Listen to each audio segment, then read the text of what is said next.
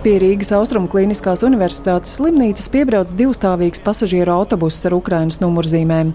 Tas pielāgots pacientu pārvadāšanai, bet slimnīcā jau sagatavota rinda gultu, nestuves un riteņkrēsli. Gatavi uzņemt jaunos pacientus ir vairāki ārsti un palīgi personāls. No autobusa pa vienam sāk kāpt ārā ievainotie ukraiņu karavīri. Tie, kuri var paiet vai pārvietojas ar kruķiem, slimnīcā lēnām ieiet paši, bet smagāk cietušos ieved riteņgultās. Kāds bija ceļš, jautāja vienam no šoferiem, kurš nosauca savu vārdu - Saša. Дорога хорошая, мокрая, но без мороза.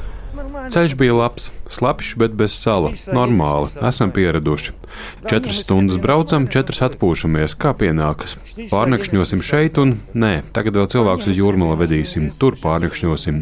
Savāksim tos, kuri jau ir izveseļojušies, un vedīsim mājās. Kā ievainotie izturējuši garo ceļu? To jautāju garajā pārbraucienā viņus pavadījušajai Ukraiņu ārstei Olgai Rezakai. Brauciens bija ļoti garš laika ziņā, tāpēc bija nedaudz sarežģīts, bet puiši ir fiziski spēcīgi, viss ir labi.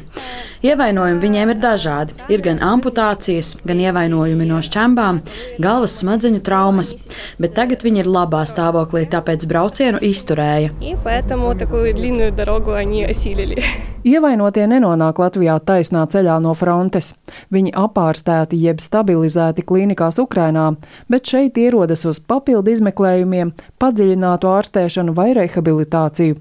Pastāsta Rīgas Austrumu slimnīcas neatliekamās medicīnas un pacientu uzņemšanas klīnikas vadītājs Aleksejs Višņakovs. Pacienti, kuri paliks austrumu slimnīcā, praktiski viņi visi ir pēc eh, sprādziena ievainojumiem, arī šautiem ievainojumiem. Ir pacienti, kuriem ir smaga psiholoģiska trauma, un eh, šeit slimnīcā tātad viņiem pārsvarā ir paredzēta gan padziļināta diagnostika, gan arī tālāk asinsvadu, nervu, kaulu atjaunojošās operācijas. Cik ilgi būs jāārstējas, iepriekš nevar pateikt. Piemēram, Ukrāņu karavīrs Andrijs, kurš smagi ievainots kaujās Ukrainas austrumos, šeit ir jau vairākus mēnešus. Ну, у меня была угроза ампутации левой руки и э, раздроблены кости, разорваны ткани. Man draudēja kreisās rokas amputācija, bija sašķēdīti kauli, sarauti audi, ievainojumi apdzija, bet iekšēji visi bojājumi palika, jo pie mums tagad valstī ir milzīgi smagi ievainotu un vienkārši ievainotu cilvēku plūsma, tāpēc medicīniskā sistēma vienkārši tiek galā.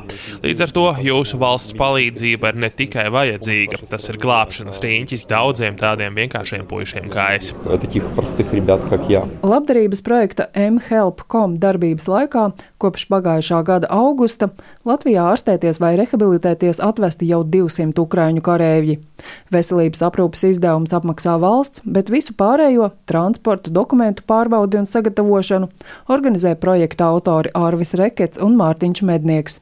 Viņi stāstīja, ka pa šo laiku process kļuvis raitāks, un sagatavošanās darbi no trim mēnešiem saīsinājušies līdz vienam, ļaujot katrā reizē ārstu rokās nogādāt arvien vairāk ievainoto.